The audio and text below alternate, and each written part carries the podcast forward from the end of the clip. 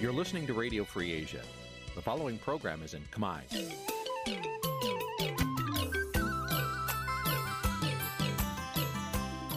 Nǐ chi càm bi tiệp xáy vệt chiu a zì sê ray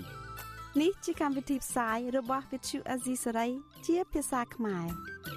វិទ្យុអាស៊ីសេរីសូមស្វាគមន៍លោកអ្នកនាងទាំងអស់ពីរដ្ឋធានី Washington នៃសហរដ្ឋអាមេរិក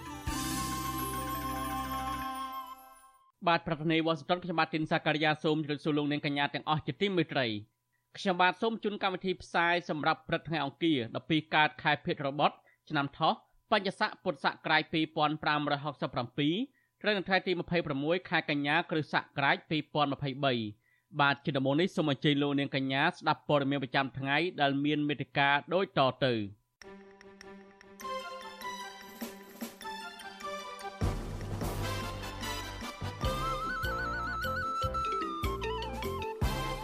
សហជីពថាផលិតផលវិជ្ជាភ័ណ្ឌនាំចេញធ្លាក់ចុះ20%បណ្ដាលមកពីបាត់បង់ប្រព័ន្ធអនុគ្រោះពន្ធ EBA បរិះកាន់លិខិតឆ្លងដែនខ្មែរម្នាក់ត្រូវបានតុលាការក្នុងប្រទេសសង្ហបុរីចោទប្រកាន់ពីបទលាងលុយកខ្វក់សាលាធរភ្នំពេញបដិសេធបណ្ដឹងសុំនៅក្រៅឃុំរបស់លោកថៃសិដ្ឋាមន្ត្រីគណៈបកភ្លើងទៀននិងគ្រូសាទៀមទីអាញាធររយុទ្ធធរពាក់ព័ន្ធនឹងការស្លាប់លោកហែមហឿនរួមនឹងព័ត៌មានសំខាន់សំខាន់មួយចំនួនទៀត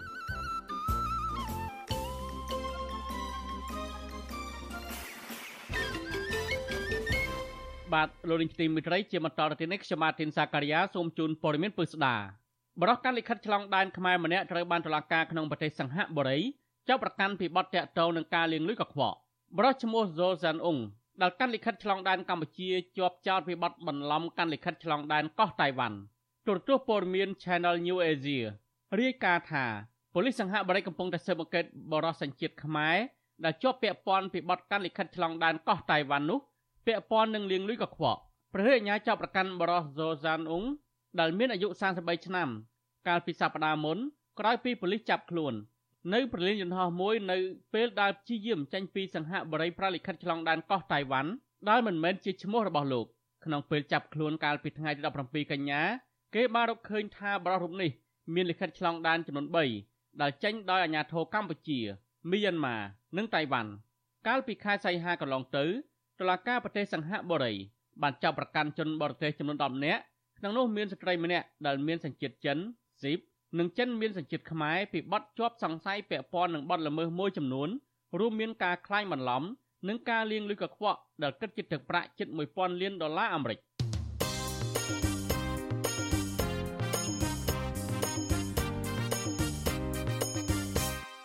បាទលោកនាយកទីមេត្រីតកតងនឹងរឿងនាំចេញខាងវិស័យវិជ្ជាភ័ណ្ឌធ្លាក់ចុះវិញមន្ត្រីសហជីពដែលខ្លំមើលលើវិស័យវិជ្ជាភ័ណ្ឌព្រួយបារម្ភចំពោះការធ្លាក់ចុះនៃការនាំចេញសម្លៀកបំពាក់ស្បែកជើងនិងទំនិញធ្វើដំណើរជិត20%ដែលធ្វើឲ្យប៉ះពាល់ដល់ជីវភាពកម្មករនិងការធ្លាក់ចុះក្នុងវិបត្តិអត់ការងារធ្វើការព្រួយបារម្ភនេះកើតមានបន្ទាប់ពីធនាគារអភិវឌ្ឍអាស៊ីហៅកាត់ថា ADB រកឃើញថាការនាំចេញផលិតផលវិជ្ជាភ័ណ្ឌរបស់កម្ពុជាទៅកាន់ទីផ្សារអន្តរជាតិ ធ្លាក់ចុះជិត20%ក្នុងឆមាសទី1នៃឆ្នាំ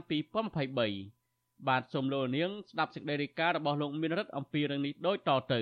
មន្ត្រីការពារសិទ្ធិការងារលើកឡើងថាបញ្ហាធ្លាក់ចុះនៃការនាំចេញទំនិញវិញ្ញាណភ័ណ្ឌទៅក្រៅប្រទេសគឺដោយសារតែរដ្ឋាភិបាលរដ្ឋបិទសិទ្ធិសេរីភាពនៃការបញ្ចេញមតិនិងការរំលោភសិទ្ធិមនុស្សធ្ងន់ធ្ងរដែលជាមូលហេតុធ្វើឲ្យកម្ពុជារងនៅទណ្ឌកម្មសេដ្ឋកិច្ចជាពិសេសរោងចក្រសហគ្រាសធំធំដកខ្លួនចេញពីកម្ពុជា ប្រធានសហភាពការងារកម្ពុជាលោកអាត់ធុនប្រាប់វិសុវស៊ីស្រីនៅថ្ងៃទី25ខែកញ្ញាថាដោយសារតែកម្ពុជាមិនគោរពសិទ្ធិមនុស្សបានជាធ្វើឲ្យឈ្មួញរកស៊ីធំធំ និងអ្នកបញ្ជាទិញផ្អាកទិញទំនិញពីកម្ពុជា ដោយរងចាំមើលបរិយាកាសនយោបាយនៅកម្ពុជាជាមុនសិនលោកបន្តថារដ្ឋាភិបាលថ្មី គួរតែស្ដារលទ្ធិប្រជាធិបតេយ្យឡើងវិញ ដើម្បីទទួលបានប្រព័ន្ធអនុគ្រោះពន្ធ EBA 20%ពីសហភាពអឺរ៉ុប នឹងការបន្តប្រព័ន្ធអនុគ្រោះពន្ធ GSP ពីសហរដ្ឋអាមេរិកបើពុំដូច្នោះទេលោកថាកម្មករនឹងប្រឈមទៅនឹងការធ្វើចំណាក់ស្រុករកការងារធ្វើនៅក្រៅប្រទេសកាន់តែច្រើនខ្ញុំគិតថារឿងទី1ត្រូវចរចាដើម្បីទទួល EBA និង GSP ឲ្យបានជាផ្លូវការពីរគឺរកលទ្ធភាពនៃការបង្កើតទីផ្សារឬក៏កិច្ចព្រមព្រៀងទ្វេភាគីនៅប្រទេសផ្សេងទៀតដើម្បីឲ្យយើងអាចមានលទ្ធភាពនាំចេញបានត្រូវបង្កើតការងារក្នុងស្រុកតាមរយៈការបង្កើតដូចជាការកែច្នៃផលិតផលសម្ភារៈកសិកម្មនិងតាក់ទាញឧស្សាហកម្មទុនធ្ងន់ដូចជាប្រព័ន្ធអេឡិចត្រូនិកនិងគ្រឿងយន្តជាដើមមកស្រុកហ្នឹងគឺជារឿងទី1 ការលើកឡើងរបស់មន្ត្រីសហជីពរូបនេះគឺបន្ទាប់ពីធនាគារអភិវឌ្ឍអាស៊ីហៅកាត់ថា ADB កាលពីថ្ងៃទី20ខែកញ្ញាបានចេញរបាយការណ៍ស្តីពីការព្យាករណ៍កំណើនសេដ្ឋកិច្ចកម្ពុជាក្នុងឆ្នាំ2023ដោយបង្ហាញថាក្នុងឆមាសទី1ការនាំចេញផលិតផលវាយនភ័ណ្ឌដែលមានដូចជាសម្លៀកបំពាក់ស្បែកជើងនិងទំនិញធ្វើដំណើររបស់កម្ពុជាទៅកាន់ទីផ្សារនៅក្រៅប្រទេសបានធ្លាក់ចុះជិត20% វិសុវអាស៊ីស្រីមិនទាន់អាចតាក់ទងរដ្ឋមន្ត្រីក្រសួងកាងារលោកហេងសួរដើម្បីសុំការបកស្រាយជុំវិញរឿងនេះបាននៅឡើយទេនៅថ្ងៃទី25ខែកញ្ញាទាក់ទងនឹងបញ្ហានេះមន្ត្រីសិទ្ធិការងារនៃអង្គការសង្ត្រាល់លោកខុនថារ៉ូមានប្រសាសន៍ថាសហភាពអឺរ៉ុបនិងសហរដ្ឋអាមេរិកនៅតែជាទីផ្សារនាំចេញអាទិភាពរបស់កម្ពុជា ដោយមិនអាចបដិសេធបាន លោកព្រួយបារម្ភថាអត្រានៃភាពក្រីក្រកាន់តែកើនឡើងខ្ពស់ប្រសិនបើវិស័យវាយនភ័ណ្ឌនៅកម្ពុជា នៅតែបន្តធ្លាក់ចុះហើយខ្ញុំគិតថាវិធានការជាក់លាក់របស់រាជរដ្ឋាភិបាលគឺបញ្ចុះតម្លៃទំនិញពាក់ព័ន្ធនឹងមុខម្ហូបអាហារព្រោះហ្នឹងជាសេចក្តីត្រូវការជាមូលដ្ឋានណាអាហ្នឹងដែលជាអតិភិបទី2ខ្ញុំគិតថាសម្រាលទៅដល់ការឡើងនៃតម្លៃឥន្ធនៈចំណុចមួយនេះដែលខ្ញុំគិតថាវាជាបញ្ហាសម្រាប់ប្រជាពលរដ្ឋដែលគាត់ប្រកបមុខរបរសេដ្ឋកិច្ចក្រៅប្រព័ន្ធរួមទាំងឧស្សាហកម្មបញ្ហាទី3ខ្ញុំគិតថាតកតងទៅនឹងការសម្រាលនៃការបន្ទុកបញ្ហាបំណុលវ៉ាន់កកម្មករយោជិតរួមទាំងកម្មករកសិករកាលពីខែសីហាឆ្នាំ2020សហភាពអឺរ៉ុបបានកាត់ផ្តាច់ប្រព័ន្ធអនុគ្រោះពន្ធ EBA 20%ពីកម្ពុជាដោយសារតែរកឃើញថារដ្ឋាភិបាលកម្ពុជា បានរំលោភសិទ្ធិមនុស្សធ្ងន់ធ្ងរនិងជាប្រព័ន្ធយ៉ាងជាក់លាក់ការនេះអាចធ្វើឲ្យប៉ះពាល់ដល់កម្មកររោងចក្រប្រមាណ70ម៉ឺននាក់ដោយផ្ទាល់និងប៉ះពាល់ដល់ពលរដ្ឋដោយប្រយោលប្រមាណ3លាននាក់ មន្ត្រីសហជីពនិងមន្ត្រីសង្គមស៊ីវិលទទូចឲ្យរដ្ឋាភិបាលធ្វើតាមលក្ខខណ្ឌរបស់សហភាពអឺរ៉ុបដែលទាមទារឲ្យស្ដារសិទ្ធិមនុស្សនិងប្រជាធិបតេយ្យឡើងវិញ ដើម្បីជាថ្នូវនឹងការទទួលបានប្រព័ន្ធអនុគ្រោះពន្ធ EBA ពេញលេញមកវិញ បើពុំដូច្នោះទេ ពួកគេថាពលរដ្ឋកម្ពុជានឹងបន្តធ្លាក់ទៅក្នុងវិបត្តិសេដ្ឋកិច្ចកាន់តែធ្ងន់ធ្ងរខ្ញុំបានមេរិត Visual C ស្រី ពីរដ្ឋធានី Washington បាទលោកនាយទីមេត្រីនៅស្របពេលដែលវិស័យវិជ្ជាភ័ណ្ឌកម្ពុជាធ្លាក់ចុះនេះមេដឹកនាំកម្ពុជាដែលមកចូលរួមមហាសន្និបាតអង្គការសហប្រជាជាតិឯនេះវិញហាក់បីដូចជាកំពុងតែលើកដំកើងខ្លួនឯងជាជាងការស្វែងរកដំណោះស្រាយដល់កម្ពុជាបាត់បង់ប្រព័ន្ធអនុគ្រោះពន្ធ EBA នោះមន្ត្រីគណៈបកប្រឆាំងលើកឡើងថាលោកហ៊ុនម៉ាណែតគួរតែធ្វើការដើម្បីបានជាប្រយោជន៍ដល់ជាតិជាក់ស្ដែងឲ្យបានច្រើនជាជាងផ្សព្វផ្សាយអំពីខ្លួនឯងការលើកឡើងបែបនេះ ធ្វើឡើងបន្ទាប់ពីលោកហ៊ុនម៉ាណែតអះអាងថាការផ្សព្វផ្សាយរូបភាពរបស់លោកនៅលើផ្ទាំងប៉ាណូនៅតំបន់ Times Square នាទីក្រុង New York សហរដ្ឋអាមេរិកនោះមិនមែនជាការចំណាយថវិកាជាតិនោះឡើយទោះបីជាបែបនេះក្តីនៃវិភាគអះអាងថាក្រុមហ៊ុនដែលផ្សព្វផ្សាយរូបភាពលោកហ៊ុនម៉ាណែតនឹងប្រឈមនឹងផ្លូវច្បាប់ជាមួយរដ្ឋាភិបាលអាមេរិកបើសិនជាក្រុមហ៊ុននេះពិតជាមិនគិតថ្លៃលើការផ្សព្វផ្សាយពិតប្រាកដមែននោះមន្ត្រីគណៈបកប្រឆាំងលើកឡើងថាលោកហ៊ុនម៉ាណែតគួរតែធ្វើការជាប្រយោជន៍ឲ្យបានជាក់ស្ដែង ជាជាងខិតខំផ្សព្វផ្សាយអួតអាងសរសើរពីខ្លួនឯងក្នុងពេលប្រជាពលរដ្ឋនៅក្នុងប្រទេសកាន់តែប្រឈមនឹងជីវភាពលំបាកអតីតតំណាងរាជគណៈបកសង្គ្រោះជាតិលោកអ៊ំសំអានអះអាងថាដោយសារតែលោកហ៊ុនម៉ាណែតបានឡើងកាន់អំណាចតាមរយៈការបោះឆ្នោតคล้ายៗដូច្នេះលោកខិតខំធ្វើឲ្យសហគមន៍ជាតិនិងអន្តរជាតិទទួលស្គាល់និងសរសើរលោកជាជាងធ្វើការដើម្បីលើកកម្ពស់សេដ្ឋកិច្ចប្រទេសជាតិបើទោះបីជាលោកហ៊ុនម៉ាណែតអះអាងថាការផ្សព្វផ្សាយរូបភាពស្វាគមន៍លោកនៅលើផ្ទាំងប៉ាណូ នៅតំបន់ Times Square ក្នុងបរិយា New York ធ្វើឡើងដោយមិនចំណាយថវិកាជួលក្តីប៉ុន្តែលោកអ៊ំសំអាននៅតែយល់ឃើញថាក្រនតែជាការកុហកបោកប្រាស់របស់លោកហ៊ុនម៉ាណែតតែប៉ុណ្ណោះក្រុម ហ៊ុនមុនណាគេគេមិនដែលព្រាដែរហើយមេដឹកនាំកម្ពុជាអីដល់ពិសេសជាងគេដល់គេព្រាឲ្យនោះគេមិនដែលទេតាមពិតត្រូវចេញលុយហើយអាចជាលុយរបស់មួយនៅរឿងអ្នកដែលនិយាយហ្នឹងឬក៏អាចជាលុយរបស់រដ្ឋាភិបាលលុយជាតិប៉ុន្តែយើងជឿថាជាលុយញើសឈាមរបស់ប្រជាពលរដ្ឋហ្នឹងមកផ្សាយដើម្បីដំកើងខ្លួនឯងក្រៅពីការអះអាងរបស់លោកហ៊ុនម៉ាណែតដែលថាការផ្សព្វផ្សាយរូបភាពស្វាគមន៍លោកមិនមែនជាការចំណាយថវិកាជាតិដោយមានខ្មែរអាមេរិកកាំងស្នើឲ្យក្រុមហ៊ុន Billboard ផ្សព្វផ្សាយរូបភាពលោកហ៊ុនម៉ាណែត ដោយមិនគិតថ្លៃហើយនោះអង្គភាពអ្នកនាំពាក្យនាយករដ្ឋមន្ត្រីក៏បានចេញសេចក្តីបំភ្លឺព័ត៌មានបញ្ជាក់បន្ថែមមួយទៀតថាការផ្សព្វផ្សាយរូបភាពរបស់លោកហ៊ុនម៉ាណែតមិនបានចំណាយថវិកាជាតិនោះទេលិខិតបំភ្លឺព័ត៌មានបញ្ជាក់ថា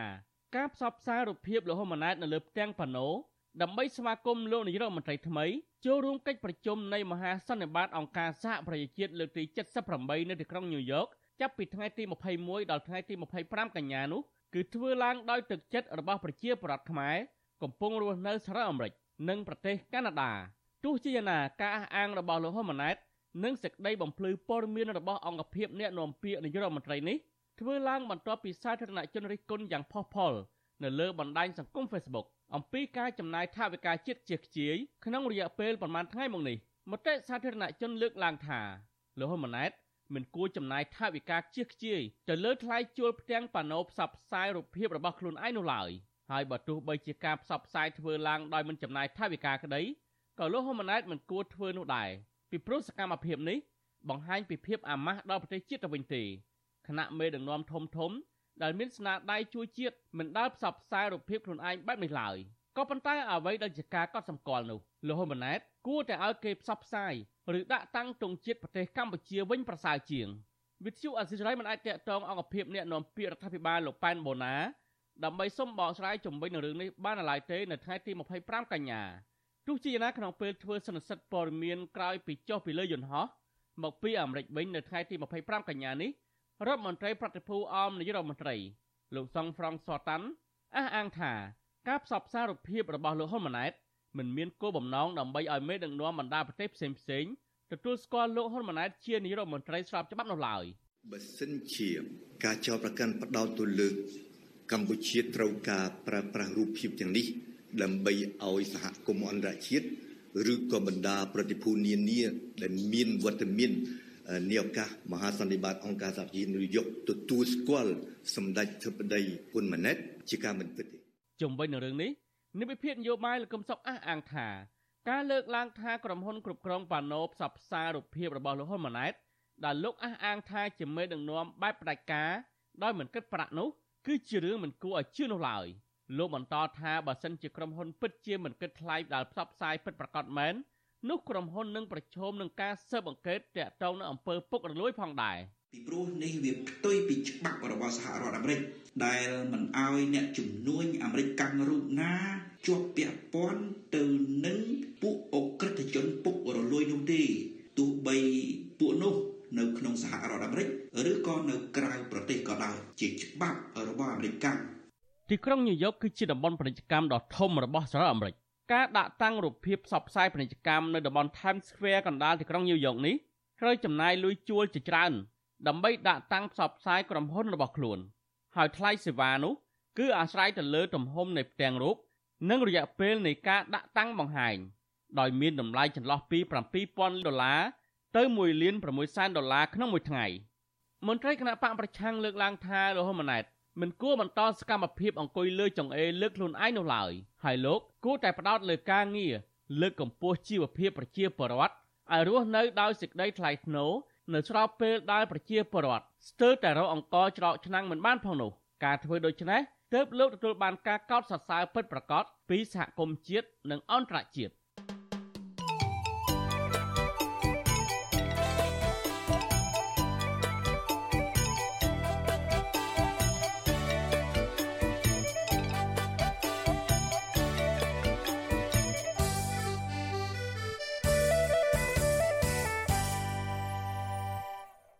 លោកនាយកទីមេត្រីបរដ្ឋមួយចំនួនអះអាងថាមន្ត្រីធ្វើឯកសារផ្សេងផ្សេងនៅស្ថាប័នរដ្ឋនៅតែប្រព្រឹត្តអំពើពុករលួយដដែលទោះបីជាមានរដ្ឋាភិបាលថ្មីដឹកនាំដោយលោកហ៊ុនម៉ាណែតហើយក៏ដោយពួកគេលើកឡើងថាក្រៅពីទាលុយហើយនោះមន្ត្រីទាំងនោះប្រើសម្ដីនិងកាយវិការមិនសមរម្យថែមទៀតផងតើមន្ត្រីបម្រើការងារស្ថាប័នរដ្ឋចម្រិតទាលុយពីប្រជាពលរដ្ឋដូចម្តេចខ្លះនៅពេលពួកគេទៅស្នើសុំធ្វើឯកសារផ្សេងផ្សេងនោះបាទសូមលោកនាងរងចាំស្ដាប់សេចក្តីរាយការណ៍នេះពីស្ដា នាពេលបន្តិចទៅនេះ បាទសូមអរគុណ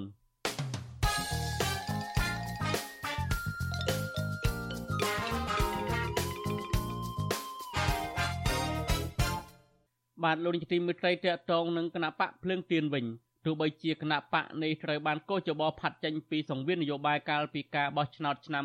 2023កាលពីពេលថ្មីថ្មីនេះក្តីក៏គណៈបកនេះនៅតែស្វែងរកការអន្តរាគមន៍ដើម្បីមានសិទ្ធិចូលរួមបោះឆ្នោតនាអាណត្តិក្រោយ គណៈបកភ្លើងទៀនប្រកាសកាលពីថ្ងៃទី25កញ្ញាម្សិលមិញនេះថានឹងសរសេរលិខិតទៅលោកនាយរដ្ឋមន្ត្រីហ៊ុនម៉ាណែតដើម្បីស្វែងរកអន្តរាគមន៍ទៅក្រសួងមហាផ្ទៃឲ្យជួយផ្ដល់ដំណោះស្រាយពាក់ព័ន្ធនឹងឯកសារលិខិតបញ្ជាក់ការចុះបញ្ជីគណៈបកនេះនៅក្រសួងមហាផ្ទៃការសម្រេចរបស់កិច្ចប្រជុំគណៈកម្មការនយោបាយរបស់គណៈបកភ្លើងទៀនបែបនេះគឺបន្ទាប់ពីក្រសួងមហាផ្ទៃកាលពីថ្ងៃទី21កញ្ញាបានបដិសេធជាថ្មីទៀតមិនផ្ដល់ឯកសារដើម ឬលិខិតបញ្ជាក់នីតិានុកលកម្ម ដល់គណៈបកភ្លើងទៀន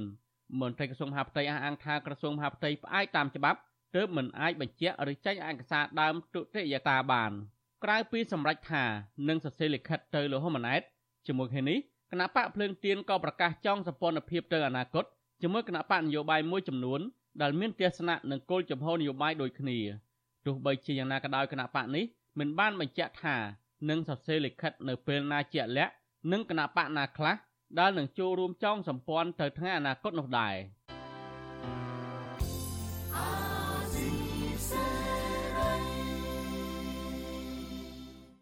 បាទលោកទីមិត្តរីនៅស្របពេលដែលគណៈបកភ្លើងទៀនកំពុងតែស្វាស្វែងដើម្បីចូលរួមការបោះឆ្នោតបាននៅពេលខាងមុខនោះរីឯមេដឹកនាំគណៈបកភ្លើងទៀនដែលកំពុងតែជាប់ពន្ធនាគារឯនេះវិញស្លាវធរភ្នំពេញបដិសេធបណ្ដឹងសុំនៅក្រៅឃុំរបស់អនុប្រធានគណៈបកភ្លើងទៀនលោកថាច់សិដ្ឋា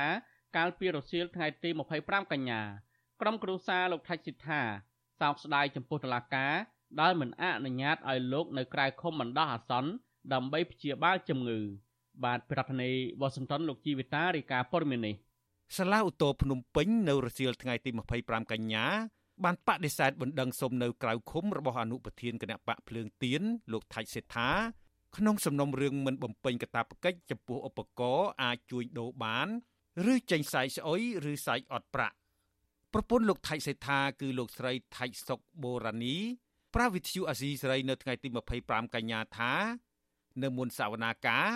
លោកថៃសេដ្ឋាត្រូវបានសមត្ថកិច្ចដឹកតាមរថយន្តនៅពេលថ្ងៃ ស្របពេលស្ថានភាពជំងឺជាច្រើនមុខដូចជាជំងឺបេះដូង បានធ្វើឲ្យលោកថៃសិដ្ឋាដង្ហក់ពិបាកដកដង្ហើមលោកស្រីបន្តថា នៅក្នុងសវនាការ លោកថៃសិដ្ឋានិងមេធាវីបានបង្ហាញពីស្ថានភាពជំងឺរបស់លោកដើម្បីឲ្យសាលាឧទ្ធរអនុញ្ញាតឲ្យលោកនៅក្រៅឃុំក៏ប៉ុន្តែក្រុមចៅក្រមនៅតែមិនអនុញ្ញាតឲ្យលោកថៃសិដ្ឋានៅក្រៅឃុំបណ្ដោះអាសន្ននោះឡើយថ្ងៃមិញគាត់ជិះមកតង្ហាកដៅគាត់ទៅហក់កហក់ទៅខ្ញុំក៏ឈើដូចថាគឺចរណៃគាត់ដូចថាខ្ញុំច្បាច់ដាច់បាច់ជើងបាច់ខ្លួនគាត់ទៅទៅសួរប៉ូលីសគាត់ដឹងដែរខ្ញុំគាត់ថាកុំបាច់ច្បាច់ដាច់ថាគាត់នឹងនៅហត់ណាអូនគាត់ពីពីឡានមកគាត់ហត់គាត់ទៅហក់ លោកស្រីសោកស្ដាយចំពោះសាលាឧទ្ធរដែលមិនអនុញ្ញាតឲ្យប្តីលោកស្រីបាននៅក្រៅឃុំបណ្ដោះអាសន្នដើម្បីព្យាបាលជំងឺស្របពេលសុខភាពប្តីរបស់អ្នកស្រី កំពុងតែទ្រុឌទ្រោមខ្លាំងចាបើរឿងលុយដូចគាត់ជំរាបតឡាការអញ្ចឹងបកលុយសងលុយតាំងពីដំបូងមកប៉ុន្តែអត់ព្រមយកដល់ឥឡូវហ្នឹងគាត់ស្ទឹងតែអវត្តច្បាប់តាំងពីប្តីខ្លួនទៀត នឹងលុយសងលុយទៅវាគាត់នៅក្រៅទៅក៏បានជាបាខ្លួនគាត់ផងហើយដូចគាត់ជំរាបនៅក្នុងហ្នឹងជិះគាត់ថាកណ្ដាលចែកមិនចែកស្អុយមិនការពិតផងរឿងអីកូពីសោះមកចាប់គាត់លោកស្រីថៃសុកបូរ៉ានីយល់ថា ការចោទប្រកាន់របស់តុលាការលើលោកថៃសេដ្ឋានេះគឺមានចរិតនយោបាយអនុប្រធានសាលាឧទ្ធរនិងជាប្រធានក្រុមអ្នកណែនាំពាក្យសាលាឧទ្ធរភ្នំពេញ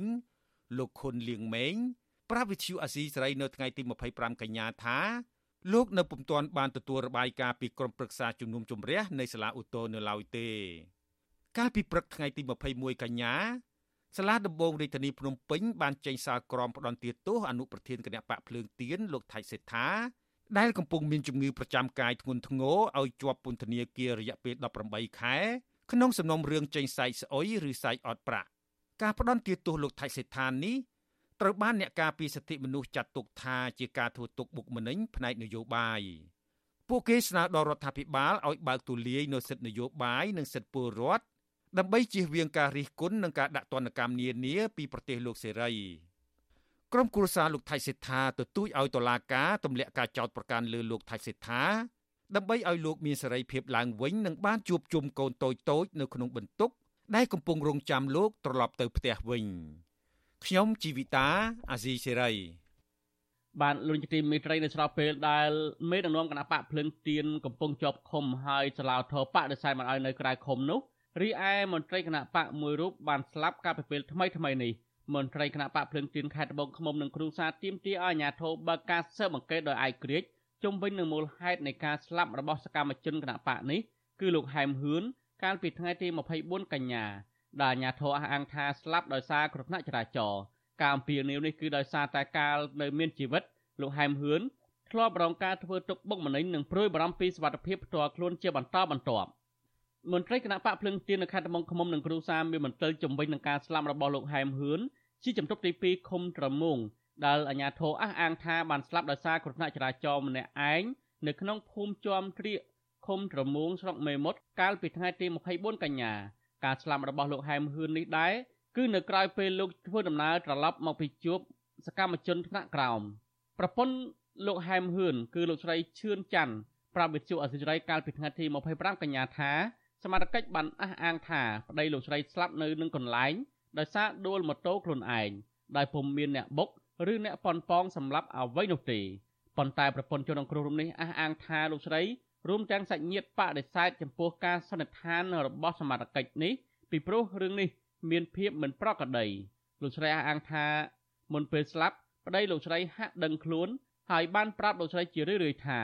លោកទទួលរងការធ្វើទុកបុកម្នេញផ្នែកនយោបាយនិងព្រួយបារម្ភអំពីសុវត្ថិភាព ជាពិសេសអំឡុងពេលលោកធ្វើដំណើរទៅណាមកណាម្ដងម្ដងប្រហែលក្នុងប្រហែលខែហ្នឹងគាត់និយាយចេញមកផ្លែផ្លែលោកគ្រូគាត់និយាយចេញមកគាត់ថាខ្ញុំធ្លាប់ជិះផ្លូវហ្នឹងក៏ខ្ញុំលែងជិះដែរផ្លូវហ្នឹងជិះផ្លូវផ្សេងហើយហើយថាអើបើដឹងថាអញ្ចឹងដែរកុំទៅទៅទេតាមភូមិមកមកបានហើយឆាប់មកទៅមកថ្ងៃភ្លឺទៅគេឃើញនិយាយទៅគេចាប់អារម្មណ៍ខ្លួនឯងកុំផ្លែតគូលគួរហើយទៅមកផ្លែតគាត់ហ្នឹងដូចជាទៅទៅមិនបានលាខ្ញុំហ្មងលោកគ្រូគាត់ទៅមិនបានលាខ្ញុំបានមួយម៉ាត់សោះហ្មងបាទ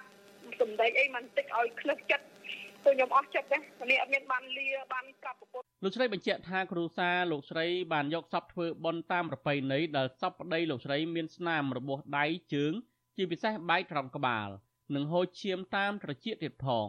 ទោះជាយ៉ាងណាលោកស្រីស្នើឲ្យអាជ្ញាធរបើកការស៊ើបអង្កេតថាតើករណីនេះបណ្ដាលមកពីគ្រោះថ្នាក់ចរាចរណ៍ ឬក៏ជាប់តាក់ទងនឹងរឿងនយោបាយរបស់លោកកន្លងមកខ្ញុំគិតខ្លួនឯងខ្ញុំភាសាមួយកូនចៅខ្ញុំអីចឹងចៅខ្ញុំហើយមានអ្នកចិត្តខាងអីគាត់ឯកភាពចឹងគាត់ថាគាត់នឹងទៅណាមកណីគាត់ជិះប្រយ័ត្នណាគាត់មិនងាយ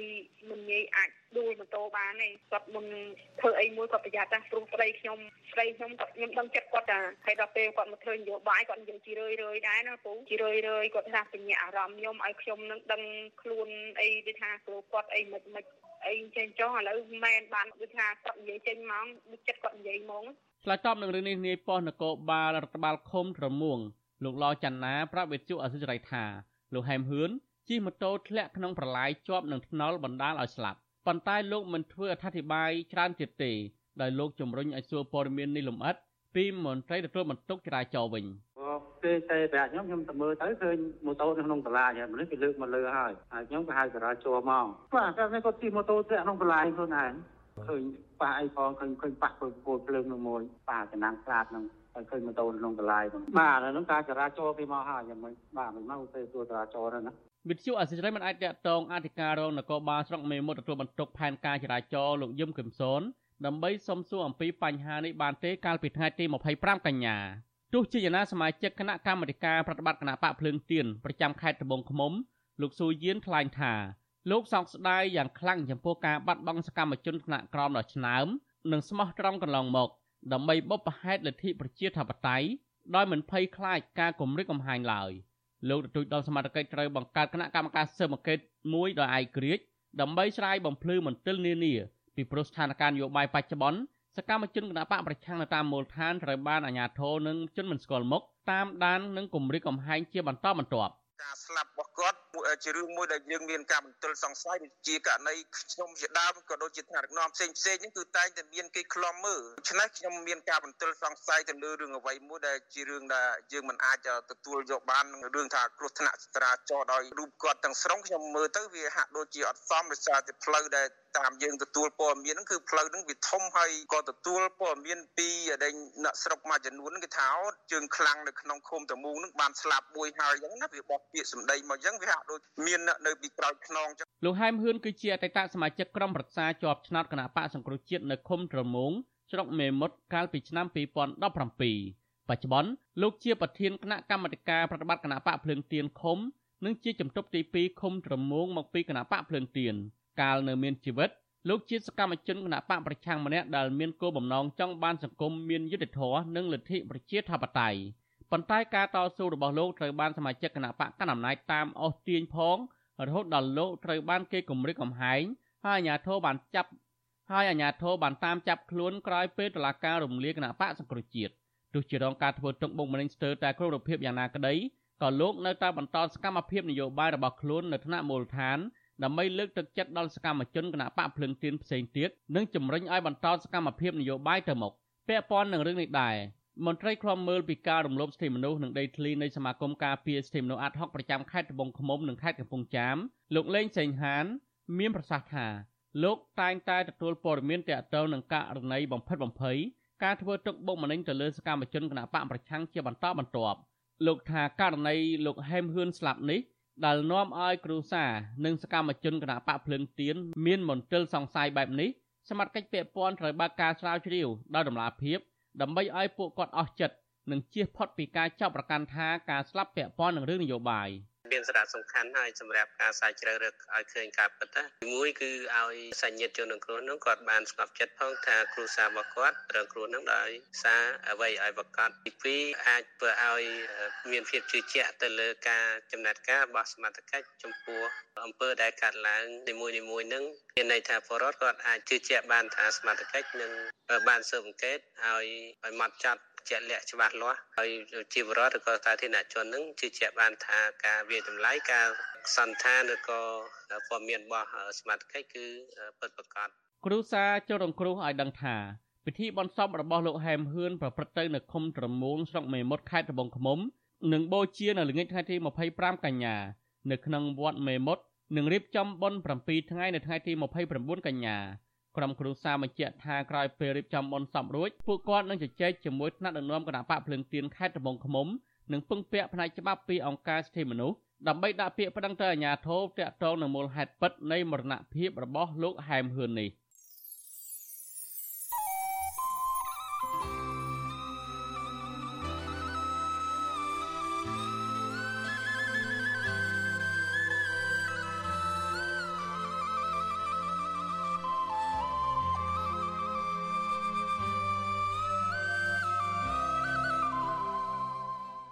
បាទលោកនាយទីមេត្រីតទៅនៅមូលដ្ឋានទ័ពបរទេសមកនៅកម្ពុជាវិញអ្នកតាមដានស្ថានភាពនយោបាយកម្ពុជារិះគន់លោកនាយរដ្ឋមន្ត្រីហ៊ុនម៉ាណែតដែលអះអាងថា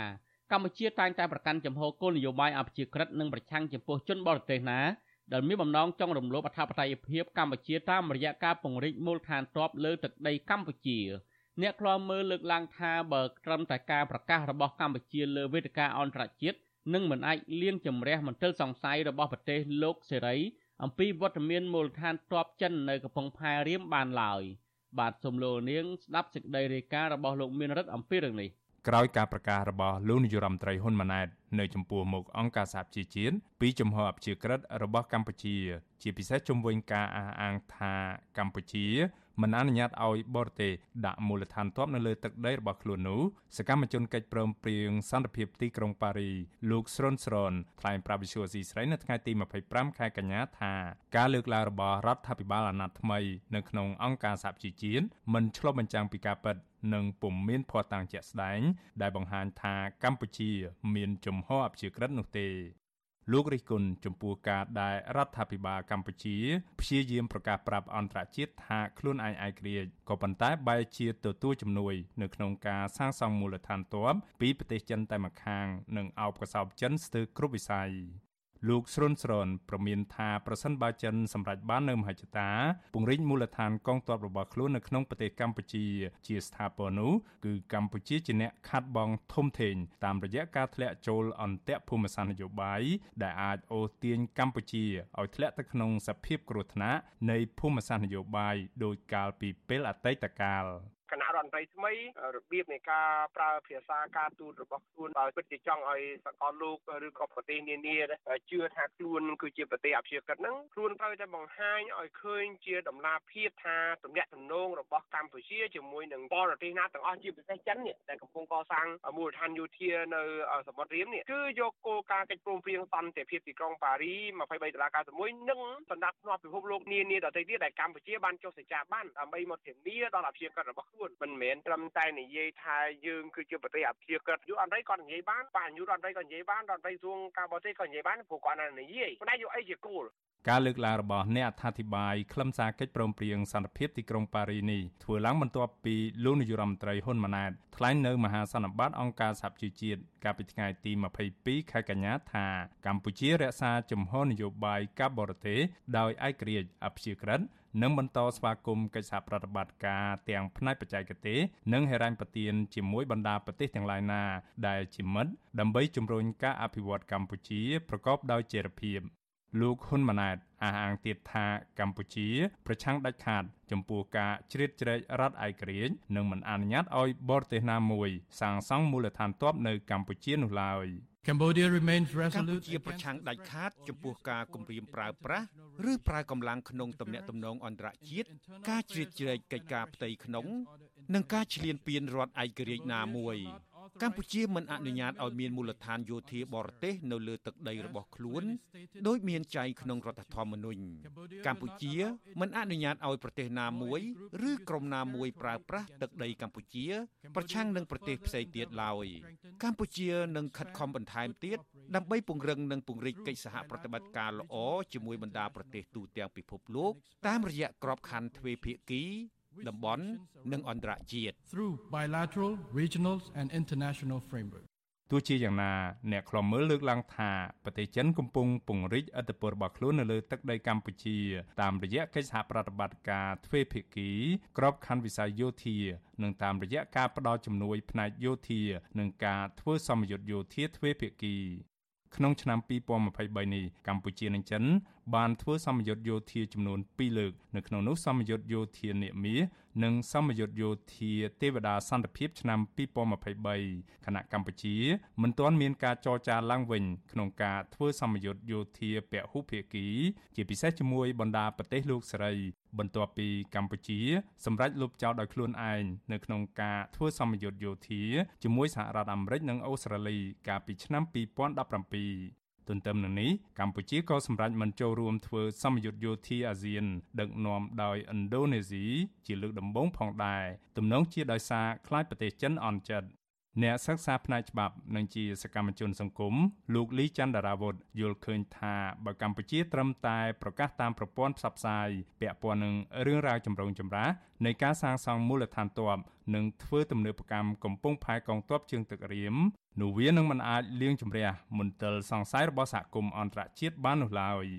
លោកជំរុញឲ្យរដ្ឋាភិបាលកម្ពុជាទទួលជំនួយពីគ្រប់ភាគីនៅក្នុងការធ្វើទំនើបកម្មកំពង់ផែកងទ័ពជើងទឹករៀមនិងអនុញ្ញាតឲ្យអន្តរជាតិចូលត្រួតពិនិត្យមើលការសាងសង់មូលដ្ឋានទ័ពរៀមព្រមទាំងពន្លឿននយន្តការដោះស្រាយបញ្ហា ដែលជាកង្វល់រួមរបស់អន្តរជាតិ បើកម្ពុជាទទួលយកជំនួយផ្ដាច់មុខតែពីប្រទេសណាមួយឧទាហរណ៍ទទួលយកតែពីចិនទេប៉ុន្តែមិនទទួលយកពីខាងលោកសេរីទេឬក៏កម្ពុជាលំអៀងខ្លាំងពេកទៅខាងណាមួយនោះប្រទេសកម្ពុជានឹងជួបបញ្ហាធំដែលយើងនឹងធ្លាក់ចូលទៅក្នុងចំនួនភូមិសាស្ត្រនយោបាយមូលដ្ឋានកងទ័ពចិននៅសមុទ្ររៀមហ្នឹងឃើញផុសតាំងថ្មីថ្មីដោយការសាងសង់ផែទឹកជ្រៅសម្រាប់ដាក់នាវាផ្ទុកយន្តហោះហ្វូជៀនរបស់ចិនអីថាអាចយកទៅដាក់បាននៅសមុទ្ររៀមហ្នឹងវាធ្វើឲ្យមានការភ័យបារម្ភថានឹងមានការសងសឹកពីប្រទេសជិតខាងឬក៏សហគមន៍អន្តរជាតិដែលមិនពេញចិត្តទៅនឹងមូលដ្ឋានទ័ពដែលដាក់នៅក្នុងប្រទេសកម្ពុជាហ្នឹង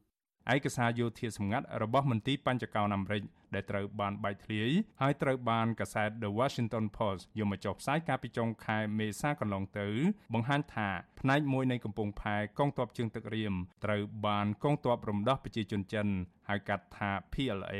កំណត់ទុកសម្រាប់ប្រើប្រាស់ជាមូលដ្ឋានទ័ពនៃកងពលរបស់ខ្លួន និងជាផ្នែកមួយនៃបណ្ដាញគ្រប់គ្រងភស្តុភារយោធារបស់ចិននៅលើពិភពលោក ឯកសារដដែលនេះបង្ហាញថាមូលដ្ឋានទ័ពរបស់ចិននៅកំពង់ផែកងទ័ពជើងទឹករៀមនេះទំនងជាអាចផ្ទុកវត្តមានរបស់កងទ័ពចិនបានតែជាងកំពង់ផែដែលចិនកំពុងសាងសង់នៅប្រទេសអេមីរ៉ាតអារ៉ាប់រួម បើតាមឯកសារបែកធ្លាដដែលនេះក្រមគម្រោង141កងទ័ពរំដោះប្រជាជនចិនដាក់ផែនការបង្កើតមូលដ្ឋានទ័ពរបស់ខ្លួននៅក្រៅប្រទេសឲ្យបានយ៉ាងហោចណាស់ចំនួន5និងទីតាំងគាំទ្រដល់ការផ្គត់ផ្គង់ភស្តុភារចំនួន10ត្រឹមឆ្នាំ2030ដើម្បីសម្រេចបាននូវវត្ថុបំណងសន្តិសុខជាតិរបស់ក្រុងប៉េកាំងដែលរួមមានទាំងការការពារអត្ថប្រយោជន៍សេដ្ឋកិច្ចរបស់ខ្លួននៅក្រៅប្រទេសផងដែរ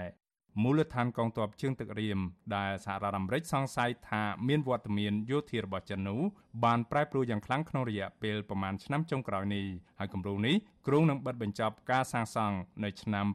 2024ខាងមុខខ្ញុំបាទមេរិត Visual Asia ស្រីពីរដ្ឋធានី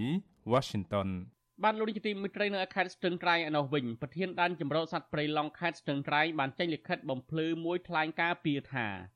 មន្ត្រីបរិស្ថានដែលខាត់ខ្លួនបរដ្ឋ2នាក់ ករណីកាប់រៀនព្រៃឡង់ខុសច្បាប់ហើយតម្រូវឲ្យបង់ប្រាក់សរុបជិត4000ដុល្លារគឺជាការអនុវត្តច្បាប់ស្តីពីតំបន់ការពារធម្មជាតិដើម្បីយកថវិកាចូលរដ្ឋបាទប្រធានាធិបតីវ៉ាស៊ីនតោនលោកលេងម៉ាលីរាយការណ៍ព័ត៌មាននេះប្រធានដែនជំរកសត្វព្រៃឡង់ខេត្តស្ទឹងត្រែងថ្មីថ្មីនេះបានសរសេរលិខិតបំភ្លឺថ្លែងការពីប្រធានមន្ទីរបរិស្ថានខេត្តស្ទឹងត្រែងលោកស្រេងជាហេងដែលរងការចោទថាដឹកនាំមន្ត្រីក្រមអាវ៉ាត់ជំរិតទាលុយពីពលរដ្ឋ2នាក់ ដែលលួចកាប់ទន្ទ្រានព្រៃឡង់ចំនួន4000ដុល្លារដោយម្នាក់ម្នាក់ត្រូវបង់2000ដុល្លារជាថ្នូរនឹងការដោះលែងឲ្យរួចខ្លួនវិញប្រធានដែនជំរកសត្វព្រៃឡង់ខេត្តស្ទឹងត្រែងលោកទូចវិចិត្របានសរសេរលិខិតបំភ្លឺកាលពីថ្ងៃទី18កញ្ញាឲ្យដឹងថាជនសង្ស័យ2នាក់ឈ្មោះវ៉ែនវុធីវ័យ53ឆ្នាំ និងឈ្មោះវ៉នថាវ័យ42ឆ្នាំមន្ត្រីជំនាញបានពិន័យអន្តរការដើម្បីយកថវិកាចូលរដ្ឋ ផ្អែកតាមមាត្រា59នៃច្បាប់ស្តីពីតំបន់ការពារធម្មជាតិនិងអប់រំណែនាំធ្វើកិច្ចសន្យាលោកបញ្ជាក់ថាការបង្គាប់ឲ្យបង់ប្រាក់វិន័យនេះគឺក្រោយពីមន្ត្រីបរិស្ថានរកឃើញថាជនសង្ស័យទាំងនេះបានកាប់ទន្ទ្រានព្រៃឡង់នៅចំណុចអូមរះក្នុងភូមិអន្លង់ភេឃុំអន្លង់ភេស្រុកថាឡាបរិវត្តខេត្តស្ទឹងត្រែងរួចក៏ដោះលែងពួកគាត់វិញ។ លិខិតដែលវិទ្យុអស៊ីសេរីទទួលបាន មានបង្កានដៃទទួលប្រាក់ពិន័យតែឈ្មោះវ៉នថាម្នាក់ប៉ុណ្ណោះគឺបង្កប់ឲ្យបង់ប្រាក់ចំនួនជិត8លានរៀលឬស្មើនឹងជិត2000ដុល្លារអាមេរិកប្រការនេះគឺផ្ទុយពីកំណត់ហេតុរបស់ប្រធានដែនជំរកសត្វព្រៃឡង់លោកទូចវិចិត្រដែលសរសេរថាជនសង្ស័យទាំងពីរនាក់ត្រូវពិន័យជាប្រាក់ក្នុងម្នាក់ម្នាក់ជិត8លានរៀលសរុបជិត4000ដុល្លារ ស្របតាមមាត្រា59ចំណុច1នៃច្បាប់ស្តីពីតំបន់ការពារធម្មជាតិដោយអប់រំណែនាំនិងប្រគល់ដីដែលកាប់រៀនជូនរដ្ឋវិញវិទ្យុអស៊ីសេរីមិនទាន់អាចតាក់ទងសុំការបំភ្លឺរឿងនេះបន្ថែមពីប្រធានមន្ទីរបរិស្ថានខេត្តស្ទឹងត្រែងលោកស្រេងជាហេងបាននៅឡើយទេនៅថ្ងៃទី25មិថុនាសកម្មជនការពារបរិស្ថាន លោកអុកម៉ៅប្រាប់វិទ្យុអស៊ីសេរីនៅថ្ងៃទី25កញ្ញាថា តំបន់ព្រៃឡង់ដែលមន្ត្រីបរិស្ថានអនុវត្តច្បាប់ក្នុងសំណុំរឿងនេះគឺជាកន្លែងដែលលោកស្រីជាហេងប្រធានមន្ទីរបរិស្ថានខេត្តស្ទឹងត្រែងប្រើល្បិចចោតប្រកាន់លោកប្តឹងលោកទៅតុលាការដោយគ្មានមូលដ្ឋានអ្នកការពារព្រៃឡង់រូបនេះចាត់ទុកពាក្យបណ្ដឹងនេះជាល្បិចមូលបង្កាច់ដើម្បីគំរាមកំហែងលោកព្រោះមន្ត្រីបរិស្ថានមិនសប្បាយចិត្តនឹងសកម្មភាពរបស់ប្រជាសហគមន៍ដែលតែងតែរិះគន់អាជ្ញាធរ ថាមិនអនុវត្តច្បាប់ព្រៃឈើនិងបណ្តែតបណ្តោយឲ្យកើតមានបទអក្រិតកម្មព្រៃឈើក្នុងដែនសមត្ថកិច្ចរបស់ខ្លួនក្នុងសិទ្ធិពួកបំផន់ដើម្បីលុបលាងកំហុសខ្លួនឯងបំផន់ផ្នែកមតិមហាជនគាត់ពីដំបូងគាត់ថាសូមបដិសេធណាជា4000ដល់ពេលចុងក្រោយមកគាត់ថាវិន័យអន្តរការចូលរដ្ឋខ្ញុំឆ្ងល់មួយទៀតដីទីតាំងហ្នឹងប្តឹងប្តឹងជួខ្ញុំហើយហើយតឡាការឲ្យស៊ើបគេតើដីហ្នឹងតើដីខ្ញុំអ្នកធ្វើអត់ដល់ពេលដល់ពេលទៅស៊ើបគេទៅឃើញអ្នកផ្សេងចាប់អ្នកផ្សេងយកលុយលែងហើយឈ្មោះខ្ញុំនៅក្នុងតឡាការទៅដែរដែលខ្ញុំអត់ដឹងអីសោះនេះជុំវិញរឿងនេះ មន្ត្រីពង្រឹងសិទ្ធិអំណាចសហគមន៍មូលដ្ឋាន នៃសមាគមអាតហុកខេត្តស្ទឹងត្រែងលោកប៉ែនមុនណាពន្យល់ថាប្រសិនបើការបង់ប្រាក់ពិន័យមិនត្រឹមត្រូវតាមអ្វីដែលពលរដ្ឋបានបង់នោះគឺជាការកេងប្រវ័ញ្ចថវិការដ្ឋខុសច្បាប់ វាបាត់ពាក់កដាលវាមិនត្រឹមត្រូវតាមអ្វីដែលប្រជាពលរដ្ឋបានបង់ពេលនេះអន្តរការហ្នឹងវាជាការកេងបង្វែងថវិកាជាតិហើយព្រោះបង់ថវិនេះវាទៅចូលថវិកាជាតិអញ្ចឹងអញ្ចឹងវាជាល្មើសព្រមតាន់ហើយមន្ត្រីក៏បាជាធរហ្នឹងទៅតែទទួលខុសត្រូវចំពោះមុខច្បាប់បាទបើមិនជាខ្លួនហ៊ានកេងបង្វែងការផាកពិន័យអន្តរការហ្នឹងបាទបានត្រឹមត្រូវបាទមន្ត្រីសង្គមស៊ីវិលរូបនេះបន្ថែមថាបណ្ដឹងចោតប្រកាន់លើសកម្មជនព្រៃឡង់រូបនេះ ជាការធ្វេសប្រហែសរបស់មន្ត្រីនគរបាលយុតិធធដែលកសាងសំណុំរឿងមិនត្រឹមត្រូវលោកបញ្ជាក់ថាលោកនឹងប្តឹងបរិហាប្រធានមន្ទីរបរិស្ថានខេត្តស្ទឹងត្រែងនិងមន្ត្រីមួយចំនួនទៀតដែលធ្វើឯកសារមិនត្រឹមត្រូវក្នុងសំណុំរឿងកັບទន្ទ្រានព្រៃឡង់និងសំណុំរឿងបណ្ដាលបណ្ដោយឲ្យកើតមានបទល្មើសអក្រិតកម្មព្រៃឈើក្នុងដែនសមត្ថកិច្ចរបស់ខ្លួនខ្ញុំបាទលេងម៉ាលីវិទ្យុអស៊ីសេរី Washington បាទលោកទីមីត្រីតកតងនឹងអតីតគ្រូសិស្សអប់រំកាយនិងកីឡាដែលរងនៅភាពអយុត្តិធម៌នោះវិញអតីតគ្រូសិស្សនៃវិទ្យាស្ថានជាតិអប់រំកាយលោកកែវសវណ្ណរិទ្ធបដិញ្ញាទាមទាររហូតដល់ក្រសួងអប់រំទទួលយកក្របខ័ណ្ឌរបស់លោកឡើងវិញមន្ត្រីសង្គមស៊ីវិលថាក្រសួងអប់រំនិងកីឡាគួរតែចេញមុខដោះស្រាយដើម្បីបញ្ជាការរិះគន់ពីសាធារណជនថាស្ថាប័នរដ្ឋមួយនេះប្រើអំណាចបណ្ដេញចេញមន្ត្រីដោយគ្មានមូលហេតុ បានអ្នកស្រីសុជីវីរាយការណ៍ព័ត៌មាននេះអតីតគរុសិស្សនៃវិទ្យាស្ថានជាតិអប់រំកាយនិងកីឡាលោកកៅសវណ្ណរិទ្ធនៅថ្ងៃទី25ខែកញ្ញាបានឈរស្រែកទាមទារតវ៉ានៅខាងមុខអគារក្រសួងអប់រំយុវជននិងកីឡានិងធ្វើដំណើរដោយថ្មើរជើង ទៅបួងសួងនៅព្រះអង្គដង្កើជាប់មាត់ទន្លេ មុខព្រះបរមរាជវាំងរួចបន្តដំណើរទៅកាន់ក្រសួងមុខងារសាធារណៈដើម្បីស្នើសុំកិច្ចអន្តរាគមន៍ពីលោកហ៊ុនម៉ាណីដែលជារដ្ឋមន្ត្រីនៃក្រសួងនេះ ជំរុញឲ្យរដ្ឋមន្ត្រីក្រសួងអប់រំយុវជននិងកីឡាលោកហងជួននរិនទទួលយករូបលោកនិងគរុសិស្ស11នាក់ទៀតដែលត្រូវបានវិទ្យាស្ថានជាតិអប់រំកាយនិងកីឡាលុបឈ្មោះចេញពីក្របខ័ណ្ឌដោយអយុត្តិធម៌លោកកៅសវណ្ណរិទ្ធលើកឡើងថាក្រសួងអប់រំយុវជននិងកីឡាមិនបានចេញមុខដោះស្រាយទៅតាមការស្នើសុំដដែលដដែលលោកក៏បានធ្វើដំណើរដោយថ្មើរជើងទៅកាន់ព្រះអង្គដងកើដើម្បីបួងសួងសុំឲ្យព្រះអង្គផ្ដល់យុត្តិធម៌ដល់រូបលោក និងគរុសិស្ស11នាក់ទៀតលោកកៅសវណ្ណរិទ្ធថាលោកនឹងបន្តធ្វើដំណើរទៅកាន់ក្រសួងមុខងារសាធារណៈដើម្បីស្នើសុំឲ្យក្រសួងនេះពិនិត្យមើលពីភាពមិនប្រក្រតីនៃការលុបឈ្មោះចេញពីក្របខ័ណ្ឌដែលលោកមិនអាចទទួលយកបានលោកកៅសវណ្ណរិទ្ធថាការដែលលោកមកធ្វើយុទ្ធនាការទាំងដៃនៅព្យួរសេរ៉ូមនិងមានជំងឺជាប់ខ្លួនព្រោះលោកចង់បន្តធ្វើយុទ្ធនាការនេះរៀងរាល់ថ្ងៃច័ន្ទដើម្បីទាមទារឲ្យក្រសួងអប់រំយុវជននិងកីឡា ត្រូវដោះស្រាយអំពើអយុត្តិធម៌មួយនេះលោកកែវសវណ្ណរិទ្ធបន្តថាលោកនឹងបន្តធ្វើយុទ្ធនាការទាមទារនេះរហូតដល់បានដំណោះស្រាយ ខ្ញុំនៅបន្តរហូតតតែក្រសួងអប់រំយុវជននិងកីឡាហ្នឹងតម្លាភាពมันមានភាពរើសអើងគ្នាទៅវិញទៅមកវាធ្វើឲ្យខូចទៅដល់យុវជនជំនាន់ក្រោយអាចថាគាត់ធ្វើសម្រាប់ខ្ញុំបានគាត់អាចធ្វើបន្តបន្តទៀតឲ្យយុវជនជំនាន់ក្រោយគាត់បាក់ស្មារតីបើមិនជាយុវជនជំនាន់ក្រោយបាក់ស្មារតីតើប្រទេសយើងមានអ្នកចេះដឹងឯណាទៀត ក្នុងយុទ្ធនាការនេះលោកកែវសវណ្ណរិទ្ធកាន់ជញ្ជីងយុទ្ធធរដែលផ្អៀងនិងបដាដែលមានរូបសញ្ញាក្រសួងអប់រំដែលសរសេរសារថាក្រសួងអប់រំយុវជននិងកីឡាបោកខ្ញុំនិងអ្នក11នាក់ប្រើអស់រយៈពេល11ខែហើយគ្មានសមត្ថភាពទទួលខុសត្រូវនិងដោះស្រាយទេឯកឧត្តមរដ្ឋមន្ត្រីហងជួនអរុនជិះឡានកិច្ចលោកកៅសវណ្ណរិទ្ធថាអាញាធរពាក់ឯកសន្តានស៊ីវិលដែលធ្លាប់ប្រាអំពើហិង្សាលើរូបលោក នៅតែបន្តនិយាយថាតាមដានរូបលោក ចំណែកកញ្ញាស្រីពេជ្ររតនាដែលបានធ្វើដំណើរមកខេត្តកំពង់ធំដើម្បីលើកទឹកចិត្តនិងគាំទ្រដល់លោកកៅសវណ្ណរិទ្ធលើកឡើងថាក្រសួងអប់រំយុវជននិងកីឡាត្រូវតែចេញមកដោះស្រាយចំពោះការលុបឈ្មោះអតីតគរុសិស្សទាំងអយុត្តិធម៌និងមិនគួរបន្តកិច្ចវេះឬឲ្យក្រុមមនុស្សមកប្រាអំពើហិង្សាលើពលរដ្ឋនោះទេ ជារឿងចាំបាច់ដែលយើងត្រូវការភាពយុត្តិធម៌ពីព្រោះថ្ងៃក្រោយយើងចង់ឲ្យក្រសួងផ្ដល់នូវសេវាសាធារណៈធ្វើការទៅលើយុវជនទៅលើពលរដ្ឋដោយភាពស្មើគ្នាកុំលំអៀងណាហើយយើងយើងពិតជាចង់បានពាក្យថាប្រជាធិបតេយ្យពិតប្រាកដហើយយុត្តិធម៌ពិតប្រាកដជូនពលរដ្ឋតែប៉ុណ្្នឹងឯងវិទ្យុអាស៊ីសេរីនៅមិនទាន់អាចសុំការឆ្លើយតបរឿងនេះពីរដ្ឋមន្ត្រីក្រសួងអប់រំលោកហងជួនអរុននិងអ្នកនាំពាក្យក្រសួងមុខងារសាធារណៈលោកយុកប៊ុនណាបាននៅឡើយទេ នៅថ្ងៃទី25ខែកញ្ញា ប្រធានសមាគមគ្រូបង្រៀនកម្ពុជាឯករាជ្យអ្នកស្រីអុកឆាយាវីមានប្រសាសន៍ថាក្រសួងអប់រំយុវជននិងកីឡា គួរតែពន្លឿនរកដំណោះស្រាយដល់អតីតគរុសិស្សទាំងនេះដើម្បីបង្ហាញទំនុកចិត្តទៅកាន់សាធារណជន ថាក្រសួងមិនបានរើសអើងនិងប្រព្រឹត្តអំពើពុករលួយនោះទេអ្វីដែលក្រសួងមិនអើពើពីបញ្ហារបស់ប្អូនប្អូនហ្នឹង បានន័យថាมันមានមានចេតនាក្នុងការកែលម្អក៏ដូចជាធ្វើឲ្យស្ថានភាពជាពិសេសការអប់រំនៅប្រទេសកម្ពុជាយើងហ្នឹង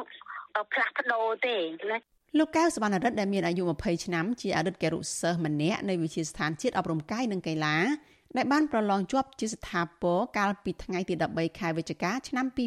2021 លោកកៅសវណ្ណរិទ្ធនិងអតីតគរុសិស្ស11នាក់ផ្សេងទៀតត្រូវបានគេលុបឈ្មោះចេញកាលពីថ្ងៃទី28ខែធ្នូឆ្នាំ2021នេះខ្ញុំសុជីវីវិទ្យុអាស៊ីសេរី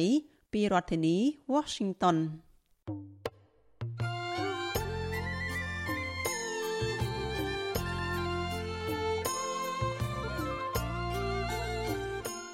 បាទលោកនាយកទីមេត្រីវិទ្យុអសិរ័យផ្សាយតាមរលកធាតុអាកាសខ្លីតាមកម្រិតនិងកម្ពស់ដល់ចតនេះពេលព្រឹកចាប់ពីម៉ោង5កន្លះដល់ម៉ោង6កន្លះតាមរយៈប៉ុស SW 12.14 MHz ស្មើនឹងកម្ពស់ 25m និងប៉ុស SW 13.71 MHz ស្មើនឹងកម្ពស់ 22m ពេលយប់ចាប់ពីម៉ោង7កន្លះដល់ម៉ោង8កន្លះតាមរយៈប៉ុស SW 9.33 MHz ស្មើនឹងកម្ពស់ 32m ប៉ុស SW 11.88 MHz ស្មើនឹងកម្ពស់ 25m និងប៉ុស SW 12.15 MHz ស្មើនឹងកម្ពស់ 25m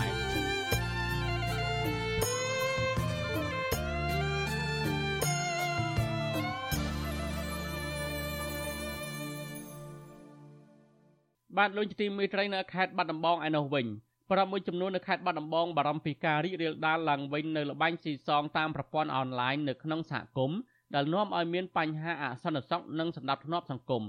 មន្ត្រីសង្គមស៊ីវិលជំរុញឲ្យអាជ្ញាធរលុបបំបាត់ការប្រព្រឹត្តលបែងស៊ីសងគ្រប់រូបភាពដើម្បីកាត់បន្ថយភាពក្រីក្រជាពិសេសនៅក្នុងអំឡុងពេលដែលសេដ្ឋកិច្ចក្នុងប្រទេសកំពុងធ្លាក់ចុះដុនដាបដោយបច្ចុប្បន្នបាទប្រធានាធិបតីវ៉ាស៊ីនតោនលោកនៅវណ្ណរិនរាយការណ៍ព័ត៌មាននេះ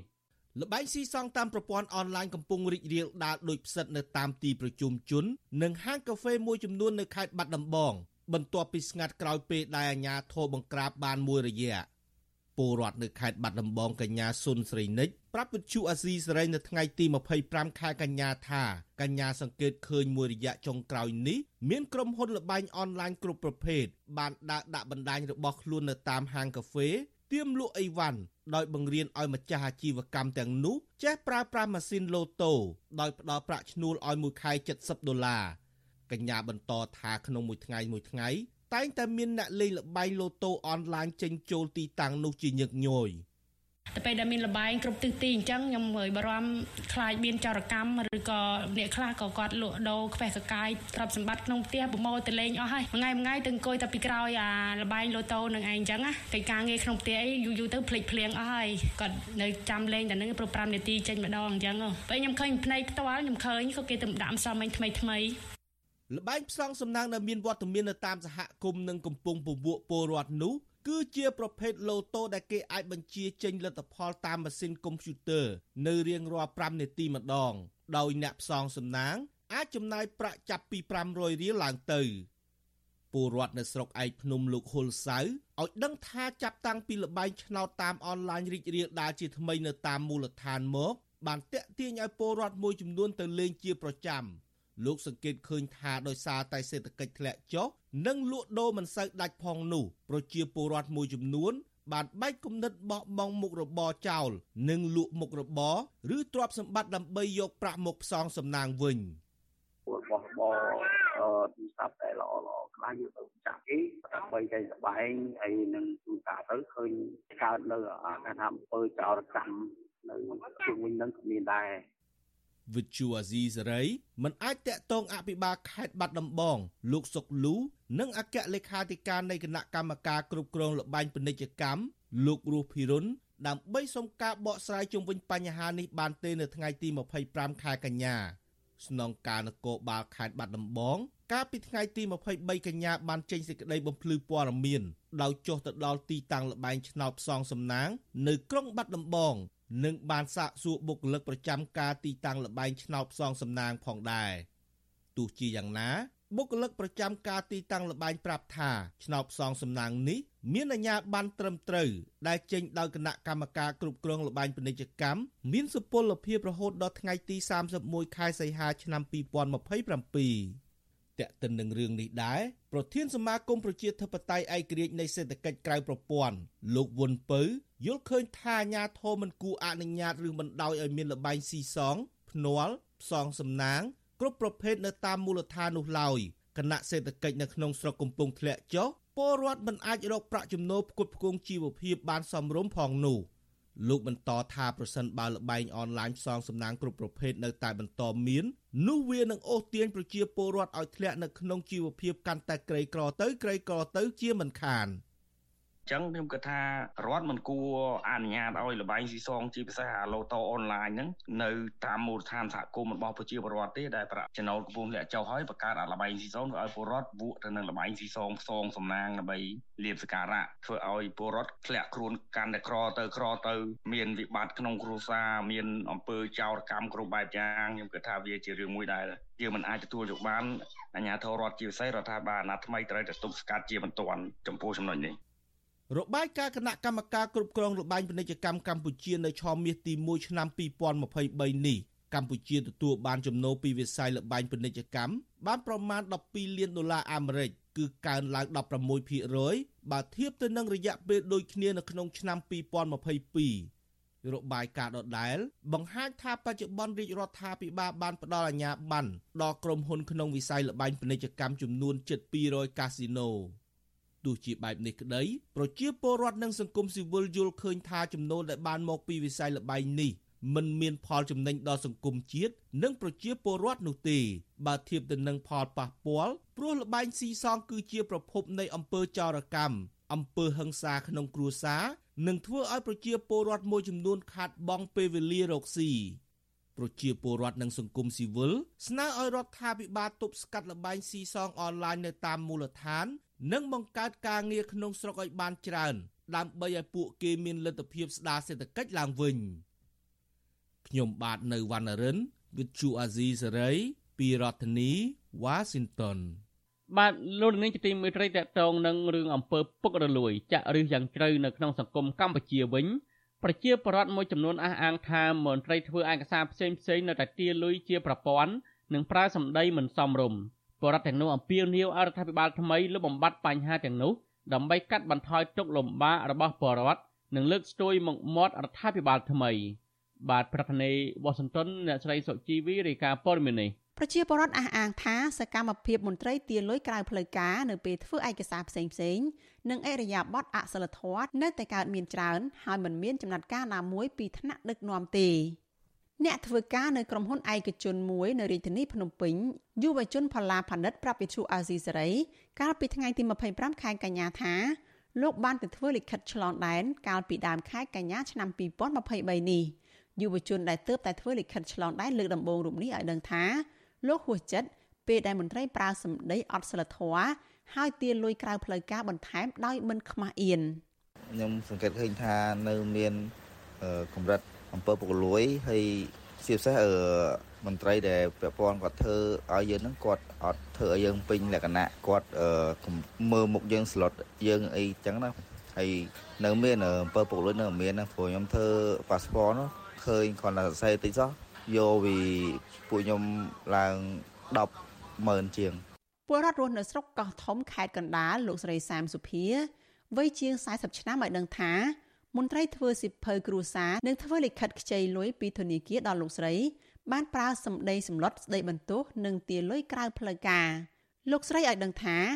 កាលពីដើមឆ្នាំ2023មន្ត្រីចាប់ផ្ដើមវាស់ដីធ្វើបានកម្មសិទ្ធិគឺទារលុយបន្តបន្ទាប់គ្រប់ដំណាក់កាលដែលក្នុងមួយក្បាលដីលោកស្រីនិងអ្នកភូមិផ្សេងទៀតចំណាយអស់ប្រមាណ20ម៉ឺនរៀលអានេះអស់20ម៉ឺនហើយបើនិយាយរួមមក មិនដល់ដកទៀតដកទៀតដល់ទៅលុយធំទៀតលុយដកគេថាមកការៈមកការៈដល់2 250បុគ្គលិកអង្គការសង្គមស៊ីវិលម្នាក់នៅរាជធានីភ្នំពេញកញ្ញាប៉ៅចិន្តាឲ្យដឹងថាកញ្ញាបានទៅធ្វើអត្តសញ្ញាណប័ណ្ណនៅផ្សារអ៊ីអនទី3នៅក្នុងរាជធានីភ្នំពេញក្នុងខែមិថុនាឆ្នាំ2023កញ្ញាឲ្យដឹងថាមន្ត្រីនៅទីនោះផ្ដោតការយកចិត្តទុកដាក់តែទៅលើអ្នកដែលបានចំណាយលុយក្រៅផ្លូវការតែប៉ុណ្ណោះ ខ្ញុំឃើញថាសម្រាប់អ្នកដែលគាត់មានលុយវិញ គឺគាត់អត់មានចាំបាច់តម្ងជួវែងឆ្ងាយអីដូចពួកខ្ញុំទេគឺគាត់គ្រាន់តែយកឯកសារហ្នឹងហើយហុចឲ្យបុគ្គលិកដែលនៅខាងក្នុងហ្នឹងហើយគាត់ចូលផ្ដិតមេដៃចូលសញ្ញាអីផ្លែផ្លែលឿនតែម្ដងអញ្ចឹងណាតែចំណែកអ្នកដែលអត់លុយវិញ គឺថាដូចពួកខ្ញុំអីគឺនៅឈរចាំតែរៀបជួរគ្នានឹងតែម្ដងអ្នកខ្លមើលការអភិវឌ្ឍសង្គមអ្នកស្រីធីតាខឹសមានប្រសាសន៍ថា បញ្ហាអំពើពុករលួយ គឺជាបញ្ហាធំនៅកម្ពុជា ធ្វើឲ្យជាតិចុះខ្សោយលោកស្រីកត់សម្គាល់ថា បញ្ហាអំពើពុករលួយនេះកើតឡើងកាន់តែខ្លាំងចាប់តាំងពីអាណត្តិទី6នៅពេលរដ្ឋាភិបាលដឹកនាំដោយបកប្រជាជនតែម្នាក់ឯងខ្ញុំមើលទៅដូចជាដូចជាបកតែមួយបើទៅបកតែមួយដល់បកតែមួយអញ្ចឹងមនុស្សអត់សូវខ្លាចទេចឹងទៅមនុស្សចេះតែធ្វើបន្តទៅទៀតហើយ ទាំងខាងរដ្ឋសភាទាំងខាងស្អីស្អីហ្នឹងសិតតែសិតតែអាចទៅជាកន្លែងដែលធ្វើអំពើពុករលួយទាំងអស់ចំណែកនាយកអង្គការសម្ព័ន្ធគណនេយ្យភាពសង្គមកម្ពុជាលោកសនជ័យមានប្រសាសន៍ថាការធ្វើលិខិតស្នាមរបស់ប្រជាពលរដ្ឋនៅតែមានការទារលុយក្រៅផ្លូវការដែលពេលខ្លះបើកចំហតែម្ដងរឿងសបត់កំណើតអីនេះក៏ក៏ដូចជានៅមានបញ្ហាមួយចំនួនដែររឿងទារលុយលើសដូចជា10 20ដុល្លារអីចឹងណា ហើយមួយវិញទៀតជាពិសេសគឺការការបញ្ជាក់ឯកសារហ្នឹងតែម្ដងឯកសារដែលត្រូវយកទៅដាក់ពាក្យសុំហ្នឹងណាបាទហ្នឹងគឺគេទាយកឆាវឆាវតែម្ដងបាទលោកសនជ័យឲ្យដឹងទៀតថានៅក្នុងករណីពលរដ្ឋទទួលបានសេវាសាធារណៈផ្ទាល់ពីអាជ្ញាធររដ្ឋដូចជាច្រកចេញចូលតែមួយគឺមិនសូវមានការទារលុយលើសទេវិទ្យុអាស៊ីសេរីមិនអាចតាក់ទងแนะនាំពាក្យក្រសួងមហាផ្ទៃលោកខៀវសុភ័ក្រ និងអ្នកនាំពាក្យរដ្ឋាភិបាលលោកប៉ែនបូណាដើម្បីសាកសួរជុំវិញបញ្ហានេះបានទេនៅថ្ងៃទី25ខែកញ្ញាមុំទី3នៃផ្នែកទី2នៅក្នុងយុទ្ធសាស្ត្របញ្ចកោណរបស់រដ្ឋាភិបាលអាណត្តិទី7បានលើកឡើងពីគោលដៅលើកកម្ពស់និងពង្រឹងភាពស្អាតស្អំភាពសុចរិតនិងជំនឿទុកចិត្តចំពោះរដ្ឋបាលសាធារណៈដើម្បីរួមចំណែកដល់ការអភិវឌ្ឍសង្គមនិងសេដ្ឋកិច្ចនៅក្នុងសន្ទរកថានៅថ្ងៃបើកអង្គប្រជុំគណៈរដ្ឋមន្ត្រីជាលើកដំបូងកាលពីថ្ងៃទី24ខែសីហា លោកហ៊ុនម៉ាណែតបានលើកឡើងពីការធ្វើកំណែទម្រង់រដ្ឋបាលសាធារណៈដោយការពង្រឹងការជ្រើសរើសមន្ត្រីដែលមានសមត្ថភាព និងសិលធម៌ល្អសម្រាប់ផ្ដល់សេវាជូនពលរដ្ឋទោះជាយ៉ាងណាប្រជាពលរដ្ឋអះអាងថាក្នុងរយៈពេល1ខែកន្លងទៅនេះមិនទាន់ឃើញចំណុចណាមួយ បានប្រសើរឡើង លើសិលធម៌មន្ត្រីនិងស្ថានភាពអំពើពុករលួយនៅឡើយទេ របាយការណ៍របស់អង្គការដំឡាភិបអន្តរជាតិចេញផ្សាយកាលពីខែមករាឆ្នាំ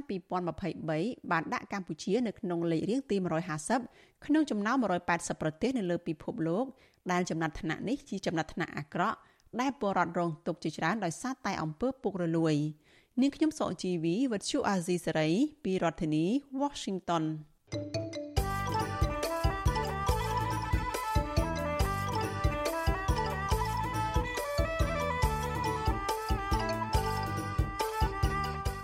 បាទលោកនាងជាទីមេត្រីការផ្សាយរយៈពេល1ម៉ោងនៃវិទ្យុអាស៊ីសេរីជាភាសាខ្មែរនៅពេលនេះចប់តែប៉ុណ្ណេះយើងខ្ញុំសូមជូនពរដល់លោកនាងព្រមទាំងក្រុមគ្រួសារទាំងអស់ឲ្យជួបប្រកបតែនឹងសេចក្តីសុខចម្រើនរុងរឿងកុំបីឃ្លៀងឃ្លាតឡើយ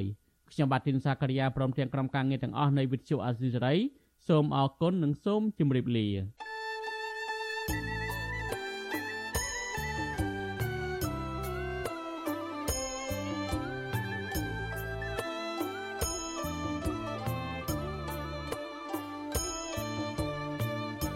វិទ្យុអាស៊ីសេរីផ្សាយតាមរលក ធាតុអាកាសខ្លីតាមកម្រិត និងកម្ពស់ដូចតទៅនេះ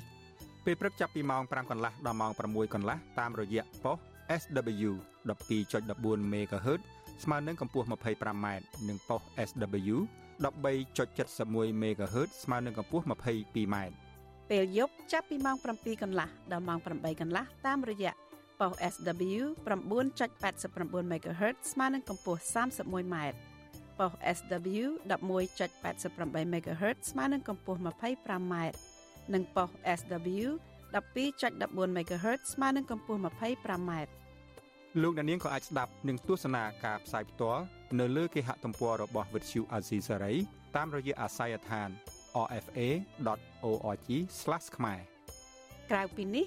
លោកអ្នកនាងក៏អាចអាននិងទស្សនាព័ត៌មាន Vuthu Azizi Saray លើទូរស័ព្ទដៃរបស់លោកអ្នកផ្ទាល់ សូមលោកអ្នកនាងដំឡើងកម្មវិធី Vuthu Azizi Saray នៅលើទូរស័ព្ទដៃរបស់លោកអ្នកនាងឬស្វែងរក Vuthu Azizi Saray នៅលើ YouTube ឬ Facebook ដោយស្វែងរកពាក្យថា Vuthu Azizi Saray ឬ RFA ខ្មែរសូមលោកអ្នកនាងចុច like follow និងចុច subscribe ដើម្បីទទួលបានព័ត៌មានថ្មីៗទាន់ហេតុការណ៍និងទស្សនាវីដេអូផ្សេងៗទៀតបានគ្រប់ពេលវេលា